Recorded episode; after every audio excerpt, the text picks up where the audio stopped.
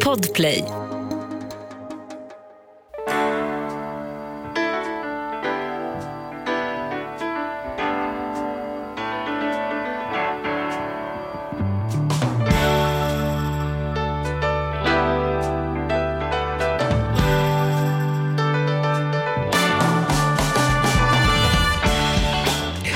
Välkomna till veckans avsnitt av Ekonomi på riktigt med Charles och Mattias.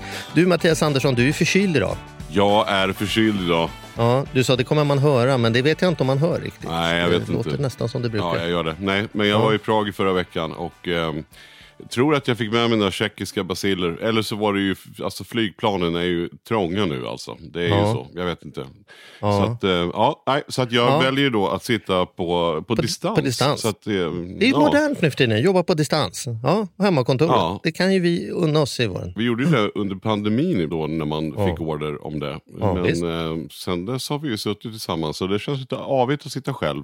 Ja, men du får ju känna att vi, vi håller dig nära hjärtat även om du inte är så nära fysiskt istället. Ja, men det känner jag. Hör, hörde Det du, varför, vart, varför vart det bra? Är det här en liksom Italien-effekt? För du vart ju lite pepp på att åka till så här, stadsresor när vi var, när vi var i Italien. Var du sa, fan det här var väldigt länge sedan jag gjorde det. Det var ganska mysigt faktiskt. Är det det eller var det något du var tvingad till Prag? Eller?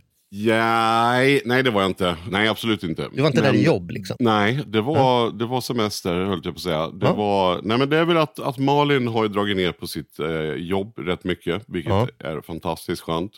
Och det har gjort att, att hon har ju liksom mer tid över. Och eh, ja, men så då har vi sagt att nu ska vi passa på att göra lite mer saker. Mm. Men, men jag får ju säga att jag, jag gillar ju inte att resa generellt sett. Jag Nej. tycker ju så här, de här mindre resorna, vi åkte fyra dagar. Mm. Och då blir ju två dagar resdag fast man bara ska till Prag. Ja. För att det, det, dels så var det mellanlandning eh, både upp och ner. Aha. Och sen så, ja men sen ska man ju vara där i tid och sen så är det kontroller och sen är det grejer och Mm. sen är det folk och sen är det... Men är inte Prag Jag- jag vackert då? Tar du inte det ikapp att du Jo. får se broarna och liksom alla gamla Jo hus? men det är ju sådär, ja, absolut. Broar, Mm. men alltså, jag vet inte, jag går ju över broar dagligen. Jag är inte Okej. sådär. Mm. Hade, hade, jag varit, hade jag varit väldigt intresserad av någon specifik sak som just Mm. finns i Prag så hade det, Men, nej, men Prag är en jättefin stad. Det, Mm. är- alltså, det, det, det var toppen. Så det är absolut inget att klaga på. Men jag, ty, jag tycker generellt att, det, att resor överskattas. Jag, jag tycker Mm. inte om det här köandet och,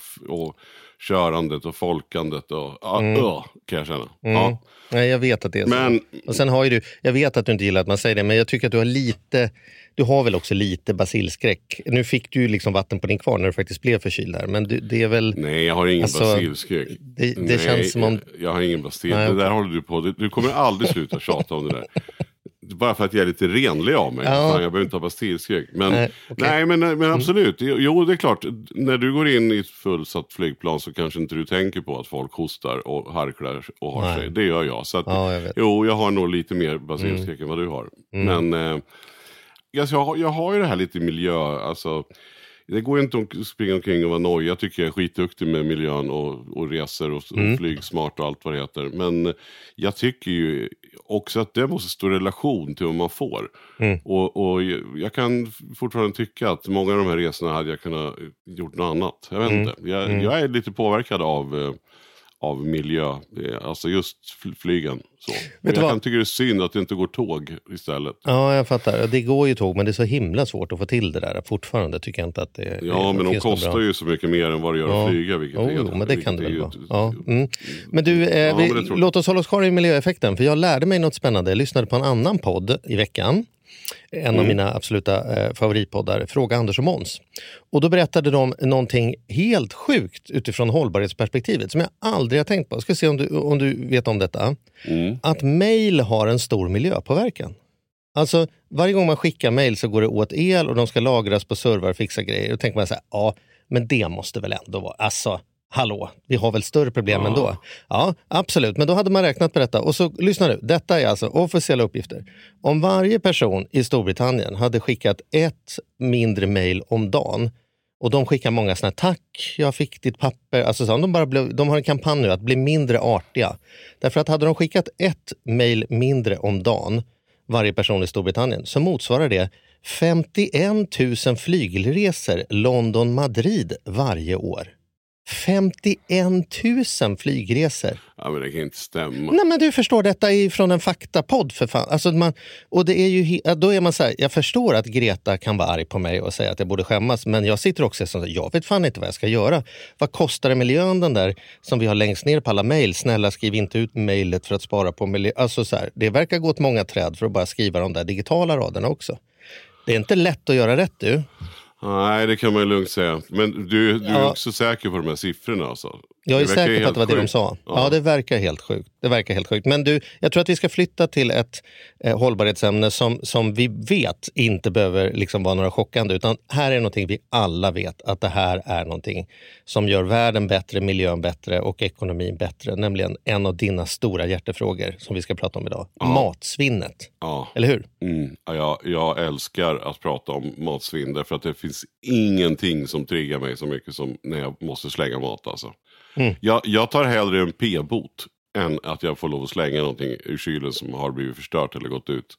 Mm. Jag blir tokig. Jag mår, jag mår, ja, fy fan, rent ut sagt. Men hur gör du när du är på restaurang och sådana saker? Då? Är du sån som ber om en mindre portion eller, eller äter du upp fast du egentligen redan är mätt? Eller liksom... Nej, men jag äter ju, jag har inga problem med att äta som, som säkert de flesta kan förstå. Men däremot så kanske om jag är med familjen och till exempel om min dotter inte orkar äta upp.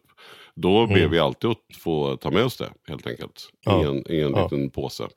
Nu händer inte det så ofta, men om det händer så tar vi alltid med oss. Men det kan jag tycka är en sak, det, det som stör mig ännu mer, det är just det här när man själv bara har ansvaret hemma. Det här när man, när man får liksom hälla ut saker eller kasta grejer för att man inte har tänkt. Det tycker jag är för jävligt alltså. Jag, jag försöker själv undvika rätter som innehåller avokado. Därför att det är ju som att en avokado är omöjlig att äta för den är stenhård, stenhård, stenhård. Sen är det 20 minuter den är mogen och sen är den bara död. Liksom. Ja. Det går fan inte att få en avokado att funka. Så, fryst avokado käkar jag ju varenda frukostshake. Så det, jag äter ju avokado varenda dag. Men den där färska avokado, alltså det, det går fan inte att vinna det spelet. Och sen har den åkt över halva jorden för att sen slängas när den väl kommer fram. Det känns så fruktansvärt äckligt. Liksom. Ja, men Ja. Det, precis. Och fryst är ju bra grejer alltså generellt. Men nu ska, inte vi, nu ska vi inte gå händelser Mm. Nej, vi har ju ett proffs på plats. Ja, jag tänkte Ja, precis säga det. Jajamän. Ja, men vi välkomnar in Peter Beckius!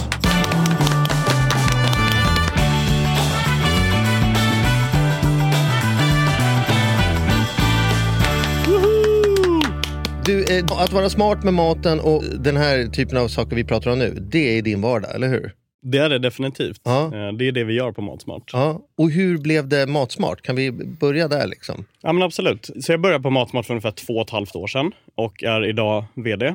Och har jobbat ganska länge inom e-handel, så har varit ansvarig för e-handel inom modebranschen och har jobbat en kort period i dagligvaruhandeln i början av karriären.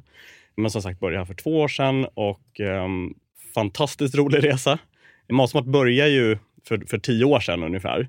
Så jag har varit med här mot så att säga, sista, sista åren bara. Mm. Men eh, ja, det är kort bakgrund. Hur började du då? Vad, liksom, Ja. För vi är ju alla som du hör, det är ju inte bara jag och Mattias som är Nej. upprörda över matsvinnet. Men att därifrån liksom säga, nej men nu gör vi en, en Ja. affär av detta som blir hållbar och faktiskt alla tjänar pengar på. Liksom. Men precis, och det, det, det är verkligen, affärsidén är verkligen smart.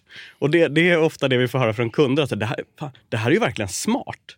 Därför det som, det som är grejen är att vi, matsvinn är ett stort problem. Så om vi börjar där så är det ju 10% av alla växthusgaser kommer ju från mat som produceras och slängs. Ja. Och jämför man det som ett land så är matsvinn är liksom det tredje största landet i utsläpp av växthusgaser efter USA och Kina. Så det är ett enormt problem och en tredjedel av all mat som produceras slängs. En Eh. tredjedel av all mat som produceras slängs. Ja, En tredjedel? en tredjedel. Det är ofattbara siffror. Och det är klart att... Hur kan det vara? Nej, men alltså, precis, var, var slängs det? Är det, Exakt. det är inte bara hemma då? eller? Nej, och det, och det är en jättebra fråga. Därför att det som pratas mycket om i media är ju i konsumentledet. Och det är ett problem såklart. Precis som Mattias pratade om. Liksom det, jag hatar också att slänga det värsta jag vet. Och det är ett slöseri. Men det händer också mycket tidigare i värdekedjan.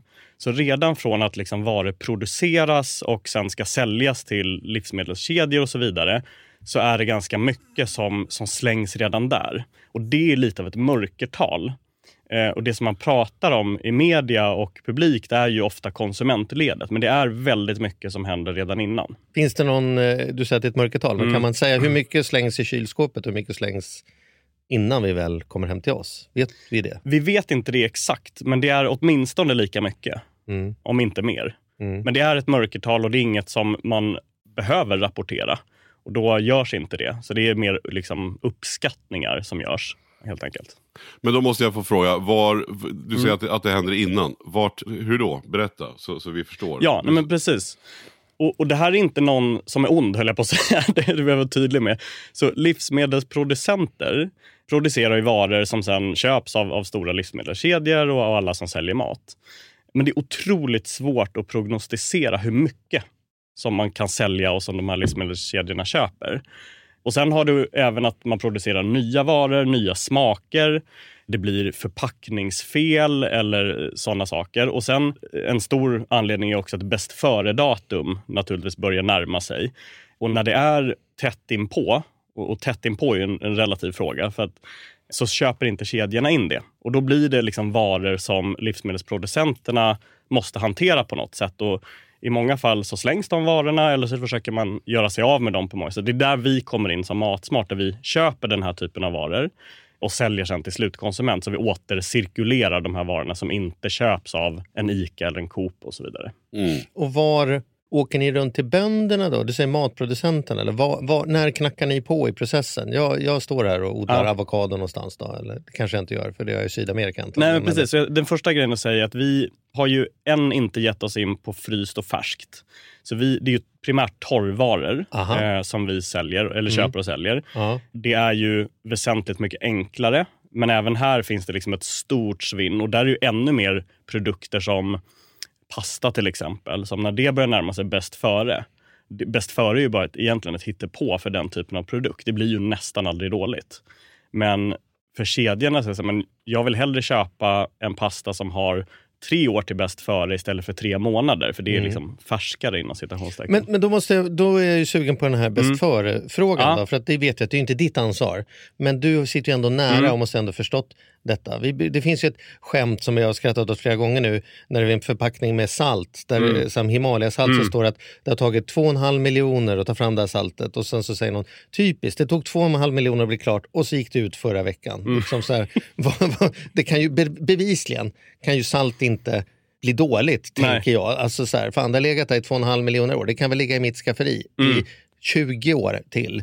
Och sen hade jag någon kompis nu som sa, "Ja, idag har jag sorterat ut alla kryddor i min kryddhylla som har gått Mm. över. Bara, aldrig slagit mig tanken att slänga liksom, oregano därför att Nej, den har gått precis. ut. Det är väl för fan. Liksom, är Ja. det torrt är det torrt. Ja, exakt. Så varför har vi ens man säger ju så här, ha så här mycket pasta hemma ifall det blir krig. Mm. Ska man slänga den pastan nu då för att det är två år sedan vi köpte den? Nej, Liksom, precis, vem, vem hittar på bäst före? Ja. Och på vilken grund? Så jag har inte hela bakgrunden till det, men det jag kan säga är att det håller på att ändras lite nu. Så Mm. man börjar titta på det, man har insett då liksom på Europanivå att det här, det här funkar ju liksom inte. Så att, det är flera saker som händer på Europanivå, men en sak är ju just att ifrågasätta de här bäst före-datum. Och nu börjar på färskt är det mycket det här sista förbrukning nu som är Mm. som ett, ett rimligare sätt att se på det. Och på kyckling är väl det Ja, ovärderligt. För Precis. om man öppnar den där kartongen så, så det är först när jag öppnar den jag kan känna doften och konstatera fan den här har blivit dålig. exakt. Men exakt. på så här Kungsörnen Ja. spaghetti liksom. Det kan, det, ja. Nej, och, det, och, jag kan inte he- helt exakt varför det är så fortfarande, men det är det finns ju säkert någonting i att riskminimera. Att så här, ja, Mm. men om, om någonting skulle bli dåligt eller sämre kvalitet eller inte lika färskt eller så vidare, då vill vi ha ett, något form av sista datum. Även om vi förstår att det antagligen inte är något problem. Så det finns väl säkert en sån aspekt. Men jag har inte hela bakgrunden, men det positiva är att det här börjar ju förändras nu. Mm. Eh, Både hos konsument, ska jag säga, medvetenheten om det, men även i, så att säga, i, genom hela värdekedjan. Och sen är det väl också, kan jag tycka, att man kanske skulle vara mer mm, bättre på att, att informera. Om man tänker på, på kylvaror till exempel, om man tänker mjölk eller sådana. Eller ta som ägg exempelvis. Mm. Ägg är ju så att det datum som står på ägg, då är det baserat på att äggen inte står i kylen. Utan att de, de är i vanlig rumstemperatur. Har du dem sen i kylen så, så håller de ju bra mycket längre.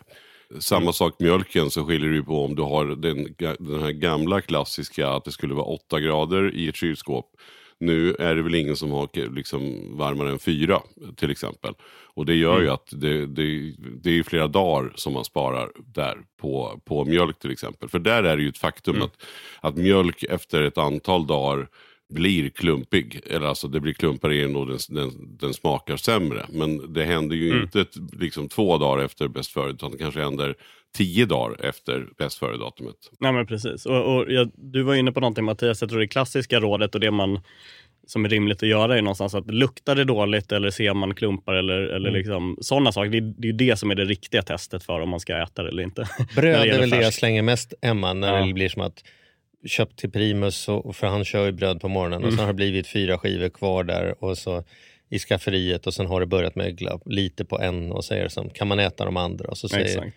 När jag var liten var det som att då ryckte man bara bort den där mögliga biten och så käkar man resten. Mm. Men det har jag förstått nu för tiden att det ska man inte göra. Att det är tydligen på riktigt, på riktigt Ja, dåligt. ja. Så det får man... Nej, man ska ju vara, ska Mm. inte göra något som är dåligt för hälsan. Så, Nej. så.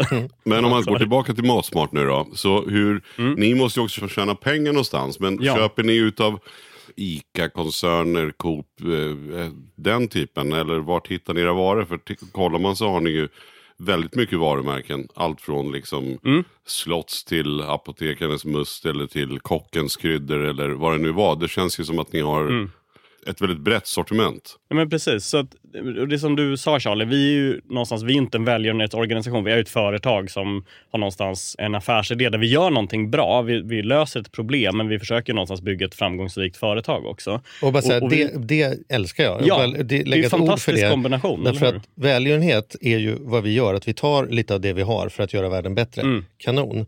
Men det betyder också för att om vi ska göra den ännu bättre måste vi ta ännu mer. Det vill säga att någonstans finns det en gräns för hur mycket välgörenhet vi kan göra. Exakt. Men om ni tjänar pengar på att göra världen bättre, ja, då kan ni gå ut och hämta riskkapital och det kan bara bli större och större. Liksom så här, det kan verkligen ta över världen. För att Mm. desto bättre världen blir, desto mer pengar tjänar ni, desto bättre blir världen. Det är så här, you Exakt. can't lose. Nej, liksom. precis. Så där många rynkar på näsan och säger så här, ska ni sko er på att vi har problem? Ja, men får vi fram flera som, som skor sig på att lösa problem, Ja. då vinner alla. I välgörenhet så, man kanske inte säger att man förlorar, men det finns i alla fall en gräns för hur mycket vi kan ge. Det är ju ständigt uppe, så här, har vi råd att hjälpa till med det här och där? men men ni har ju alltid råd, för att det blir bara bättre och bättre. Precis, och och det, Ja. vi pratar ganska mycket om det internt, eh, just det där, liksom, finns det en konflikt? Men det finns ingen konflikt. För ju mer kommersiellt framgångsrika vi är mer så kan vi växa och bli större, vi kan expandera till fler länder och vi kan rädda ännu mer mat. Så det är ju, hur man än ser på det, liksom väldigt positivt.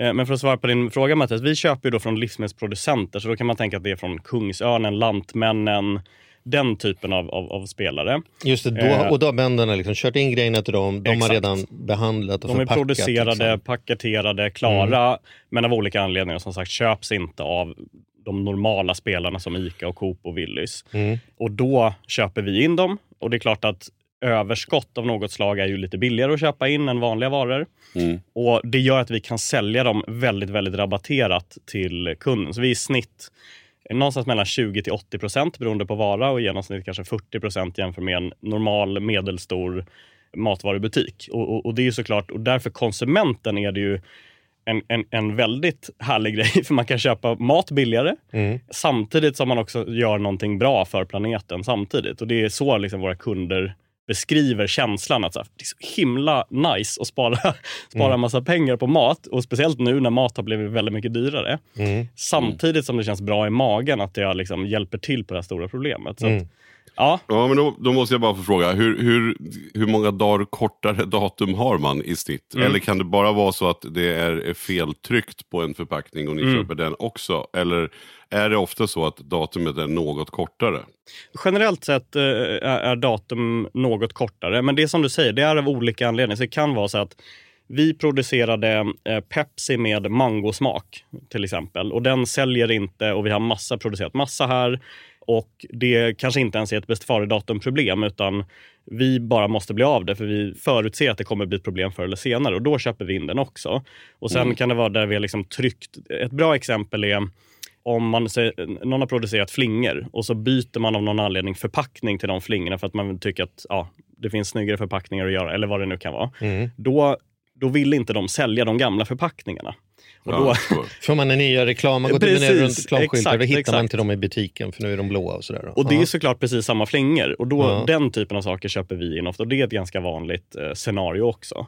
Så, men, men bäst före-datum är ju fortfarande ett stort och då det finns ett antal varor som har liksom ganska kort till bäst före, men i många fall så är det ju det kan till och med ibland röra sig om ett halvår till bäst före-datum eller så. Men att det är fortfarande det som kedjorna vill köpa kanske hellre vill ha tre år. Mm. Så att det är relativt. Så att allt vi säljer är definitivt inte att det går ut om en vecka. Men får ni sälja saker som har gått ut eller då det, blir det olagligt? Eller kan du sälja havregryn som, som har passerat bäst före-datum?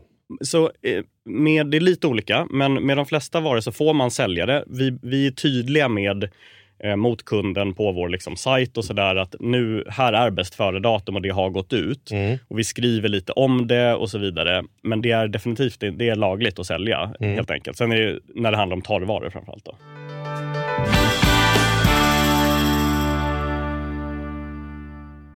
Den här podden gör vi även den här veckan i samarbete med Saveland. Fan mm. vad kul det är att ha dem med ombord. Mm, jätte, jätteroligt. Ja, vi brukar prata om att man har något band som man såg jag stod Bo Kaspers jädrigt tidigt liksom, innan man gjort tv-debut. Och du har något hårdrocksband som du var jävligt tidig på. Ja, alltså jag var på, på Lilla Teatern Göta Lejon och såg Metallica ja. 1984. Så gammal är jag. Och jag var i kontakt med Saveland när det fortfarande var typ tre, fyra personer där från mm. början. När jag fick möjlighet att träffa dem.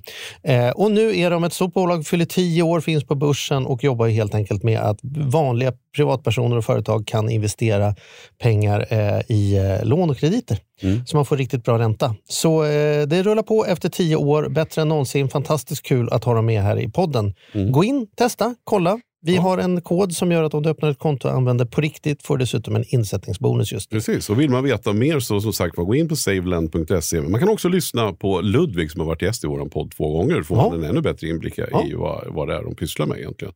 Men eh, ja, Saveland.se och stort tack. Ett poddtips från Podplay. I podden Något Kaiko garanterar östgötarna Brutti och jag, Davva, dig en stor dos skratt. Där följer jag pladask för köttätandet igen. Man är lite som en jävla vampyr. Man har fått lite blodsmak och då måste man ha mer. Udda spaningar, fängslande anekdoter och en och annan arg rant.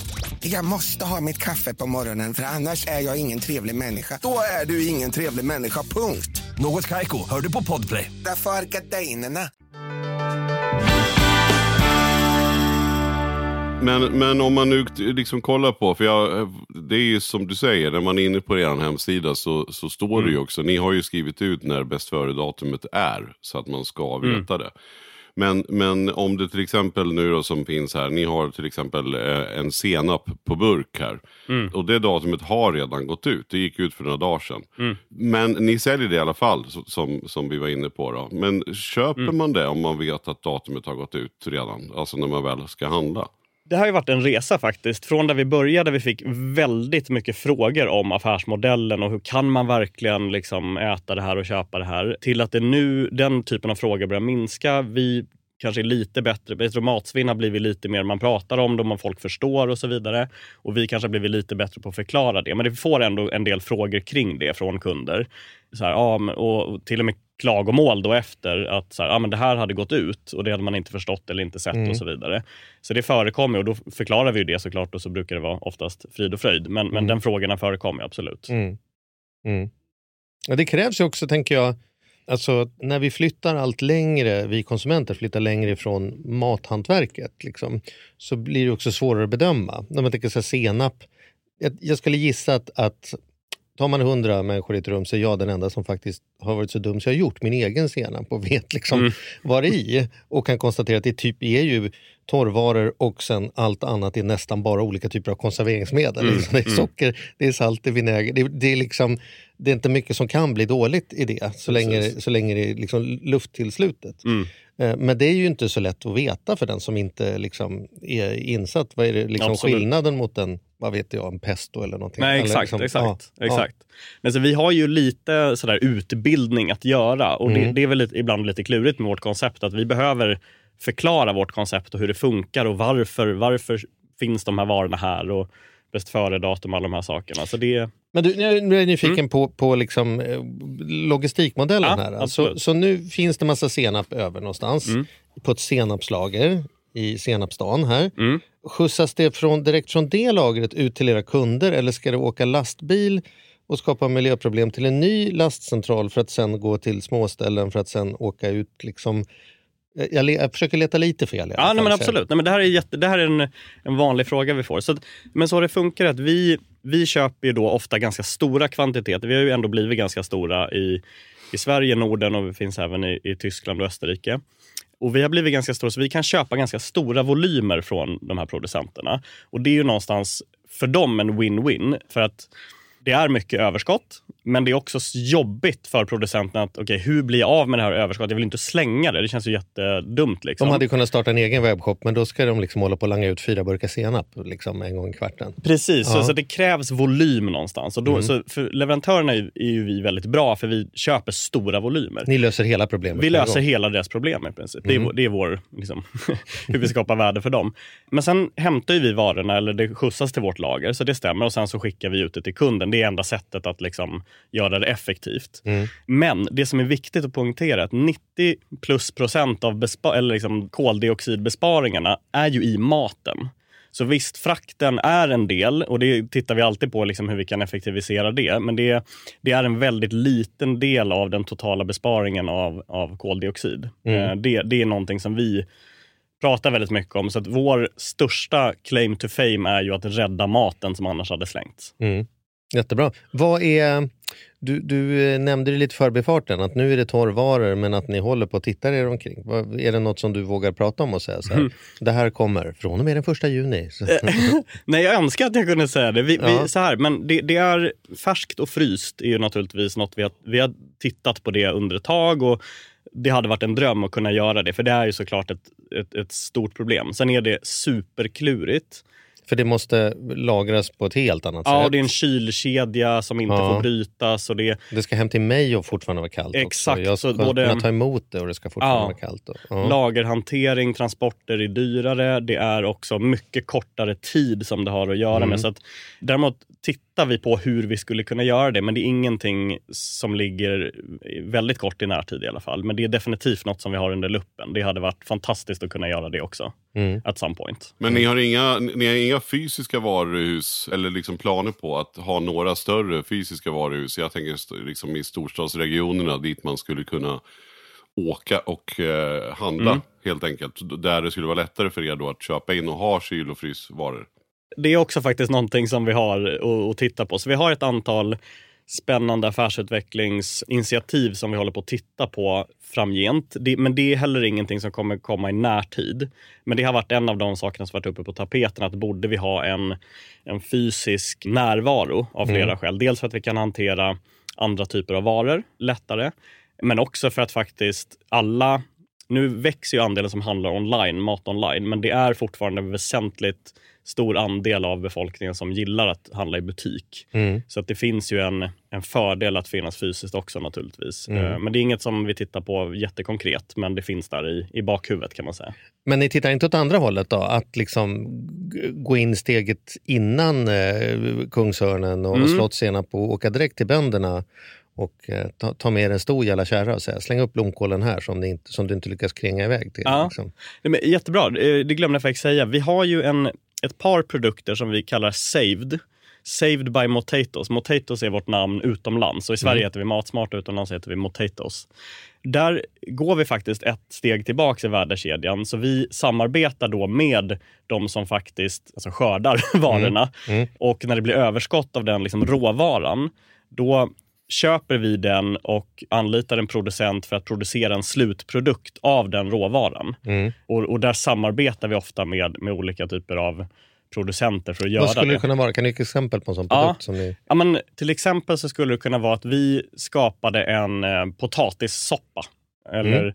pumpasoppa. Där vi liksom räddade då potatisen, eller pumpan i det här fallet, och skapade en soppa av det. För att någonstans rädda den råvaran och sen förädla den och göra en produkt som kan säljas. Så det är ett exempel. Vi har gjort, jag tror vårt mest kommersiellt framgångsrika har varit ett samarbete vi gjorde med Nix. Så protein, en proteinbar tillsammans med Nix då, där de får en massa, vad ska man säga, mellan sina batcher av de producerar så får de en massa liksom, vad ska man säga, råvaror som, som inte används däremellan. Och då av det så producerar de bars till oss som inte ser perfekta ut, så de kan inte sälja det i, i, i vanlig retail, men Vi paketerar dem och säljer dem hos oss helt Mm. enkelt, som är då saved. Just, och då är de så här, smaken, ja, lite av det råkade vara kvar, smaken. Liksom, Ja, det, det är ändå faktiskt en, eh, en kolasmak i Ah, okej. fallet, så det kan vi ändå säga. Så det är ändå Okej. cola. Ja. Men det är lite, proportionerna kan vara lite olika Ja. och de ser inte perfekta ut. Mm. Smakar likadant, Ja, liksom, jo, eller hur? Det är bara att de ser Ja. lite fel ut. Men ja, Potato, potato. Ja, ungefär mm. så. Ja, okej. Mm, härligt. Men det måste, ju, det måste ju ha varit positivt. Under pandemin så fick vi ju ändå, då fick ju nästan alla människor ändå lära sig att, eh, att handla på nätet. Alltså många äldre, jag vet att jag hjälpte min mamma till exempel när hon eh, skulle börja handla på nätet. Hon tyckte det var jättekonstigt att man inte fick liksom klämma och känna på varorna. Men, ja, men hon lärde sig anpassa sig. Sen förstår jag att folk hellre vill vara i de fysiska butikerna. Men, men det kan ju väl ändå ha varit en, en hjälp på vägen tänker jag. Att folk ändå har gjort det och känner igen och att det faktiskt funkar.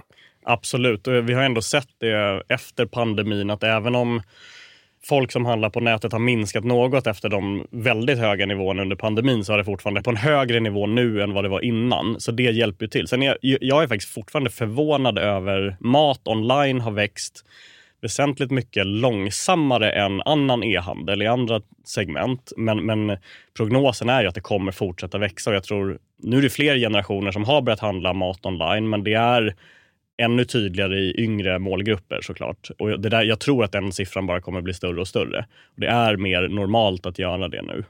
Men tror inte det beror också på att matbeslutet kanske i vår stressade vardag Mm. tas ganska sent? Det liksom, jag är på väg hem igår och bara, du vi har ingen mat hemma. Då är det inte som att, ja men gå in på Matsmart. Nej. Utan så här, då är det som så här, men antingen blir det hämtpizza eller så blir det ICA. Ja men då är jag Mm. duktig och tar i alla fall ICA. Ja. Att det, är då, det är så jag hamnar där.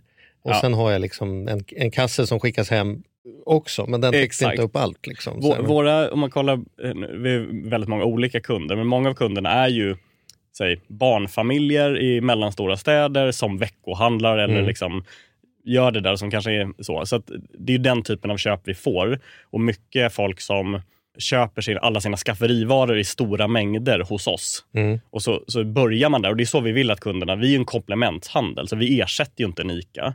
Men börjar man hos oss så handlar man mycket billigare. Så fyller man på sitt skafferi med alla de grejerna vi har. Sen handlar man resten Mm. på ICA eller Willys. Mm. Det är så man ska använda oss. Och det är det må- många av våra kunder som har liksom kommit på helt enkelt. Jag hade en jätterolig grupp som, som jag eh, är med i matgrupper i sociala Mm. medier för jag tycker mat är kul. Men, men under pandemin var, var det liksom en egen ett eget hörn med alla de här människorna som hade börjat köpa mat på nätet Mm. och var som så här, jag trodde jag köpte fyra squash, jag köpte tydligen fyra kilo squash. Mm. Vad fan gör jag med squash? liksom, det, det var jättemånga sådana som så här, liksom, ja, jag tryckte fel. Jag har inte köpt Exakt, en vaniljstång, jag har tydligen köpt ett kilo vaniljstänger. Ja, liksom. ja. Vad gör jag med allt detta?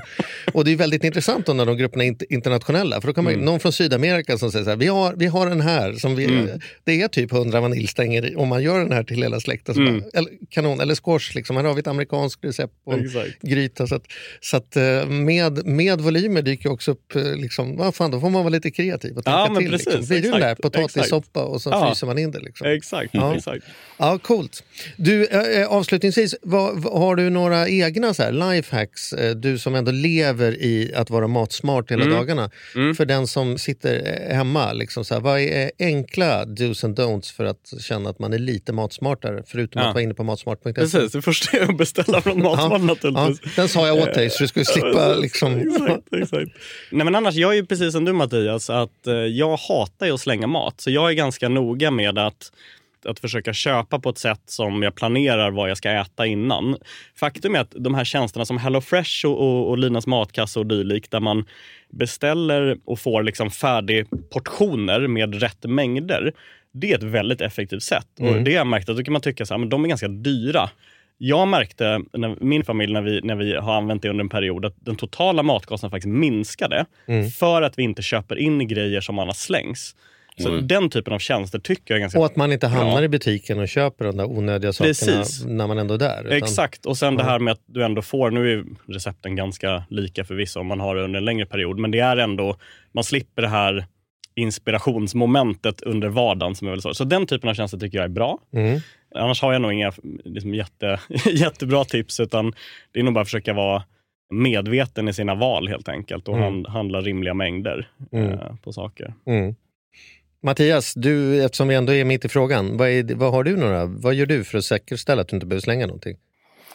Ja, men nu blir vi mycket bättre på, på listor. Jag använder i telefonen så finns det en fantastisk eh, så här, anteckningar med, med pricklistor. Så att när det ska handlas, oavsett vem som handlar i familjen så, så eh, Ofta är vi ju två eller tre blir det nu, ibland fyra om vad vi ska äta. Men, men även om det är bara Malin och jag så skriver vi listor där någon vet vad som ska gå åt. Liksom. Alltså vi handlar verkligen till det som vi vet att vi ska använda och försöker då planera maten i flera dagar. Och sen så handlas det inget mer. Sen, sen får ju jag alltid feeling när jag är inne i affären. Alltså det, det är ju så. Man, det är alltid något man kommer hem med som man inte behövde. Men då brukar jag tänka att det verkligen inte då är att jag köper en, halv, en, en nästan mogen banan då. Utan då köper jag, då, då blir det väl någon liten burk med gochujang-krydda eller någonting som, som, som håller. Men, men alltså det tror jag är grejen, att man har en lista när man åker och handlar. Och det är så smidigt idag med, med, med, just med telefonen. Och så bara bocka av vart efter man har handlat. Det är, det är min, nog mitt tips. Och nu slänger jag, eller vi då, mycket, mycket mindre i alla fall. Så att jag, jag står ut med mig själv. Jättebra. Jag tror att så här, en lösning för mig det är ju jag märker att tid är en stor påverkande faktor. Liksom att när man är stressad och sista minuten, eh, även hemma när jag ska laga mat, då, då, då blir det inte så smart. Så det jag brukar göra är att om jag, om jag kommer hem och inte kommer hem i sista minuten, att jag ändå börjar att skala potatisen eller hacka grönsakerna, gör det som man lite skitnödigt skulle kalla mise en place. Liksom jag har förberett middagen. För då när den där grytan ska göras och grejerna står framme, då är det så lätt att tänka, men vänta, det har en sötpotatis över från igår som ligger i, i grönsaksfacket. Den kan lika gärna gå med här också. Det kommer, det kommer bara bidra i alla fall. Men om jag står där och bara, okej nu Primus, nu behöver vi fan äta innan vi ska iväg till träningen här. Vad var det nu då? Bam, bam, bam. Och så står man där med den där klassiska, liksom, två saker kvar som man, fan det här skulle också i. Det har inte liksom. Ja, så jag tar fram, jag tar fram sakerna en, en bit i förväg och förbereder dem då. Plus att det är mycket skönare att laga mat när allt redan är hackat och skalat och, och delat och förberett. Det tycker jag, när jag ser människor som är dåliga på att laga mat, då är det oftast att nu ska löken i, ja då har man inte tagit fram och skalat och hackat löken. Då är det klart att då hinner det börja brinna där borta innan jag liksom ens hittat vad fan jag har skärbrädan någonstans. exakt. Så det är ju klart allt först. Ja. Sen går jag och spelar tv-spel en timme och sen så börjar jag laga mat. Och då kommer det där liksom lite extra, två vitlöksklyftor kvar. Jag slänger i dem också. Fan, det, det kommer inte bli något, liksom, du vet, då blir det inte de kvar längst bak där i något hörn. Liksom. Så gör jag. Mm. Härligt. Ja, härligt. Hoppas ni som lyssnade blev inspirerade. Alltså otroligt kul att träffa dig Peter. Ja, verkligen. Och Ja, tack detsamma. för det otroligt viktiga arbetet som ni gör. Hoppas att affärerna fortsätter att gå. Går det bra? Går ni med vinst och sådär? Då? Så vi, vi är som sagt ett bolag som är riskkapitalfinansierat. Nu visar vi vinst i Sverige. Ja. Men vi är också som jag sa expanderat till Norden och Tyskland. Mm. Så i Tyskland öppnade vi 2020 och där, det, det, den här affärsmodellen kräver stora volymer för att bli lönsam. Det är dyrt att växa. Ja, det är dyrt Mm. att växa. Så att vi ämnar inom ungefär två år att bli lönsam på gruppnivå. Mm. Men vi, det vi har visat hittills är att affärsmodellen går ihop. Ja. Och det är mer att säga, för att sälja mat online är inte jätteenkelt rent eh, så att säga, lönsamhetsmässigt. Mm. Och det har vi ändå lyckats bevisa. Ja, men Så- så hoppas att det bra, fortsätter att gå bra. Kort och gott. skönt. Då behöver inte Ja, vara oroliga ja, för det är att ni bra. är, Nej, är borta när det här absolut sänds. inte. Nej. Vad härligt. Tack så mycket för att du kom hit. Tack själv, jättekul att vara med. Tack så mycket Peter.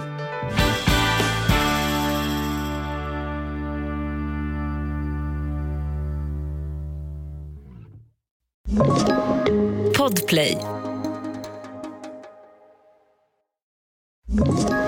Ett poddtips från Podplay. I fallen jag aldrig glömmer djupdyker Hasse Aro i arbetet bakom några av Sveriges mest uppseendeväckande brottsutredningar. Går vi in med hemlig telefonavlyssning och, och då upplever vi att vi får en total förändring av hans beteende. Vad är det som händer nu? Vem är det som läcker? Och så säger han att jag är kriminell, jag har varit kriminell i hela mitt liv men att mörda ett barn, där går min gräns. Nya säsongen av Fallen jag aldrig glömmer på Podplay.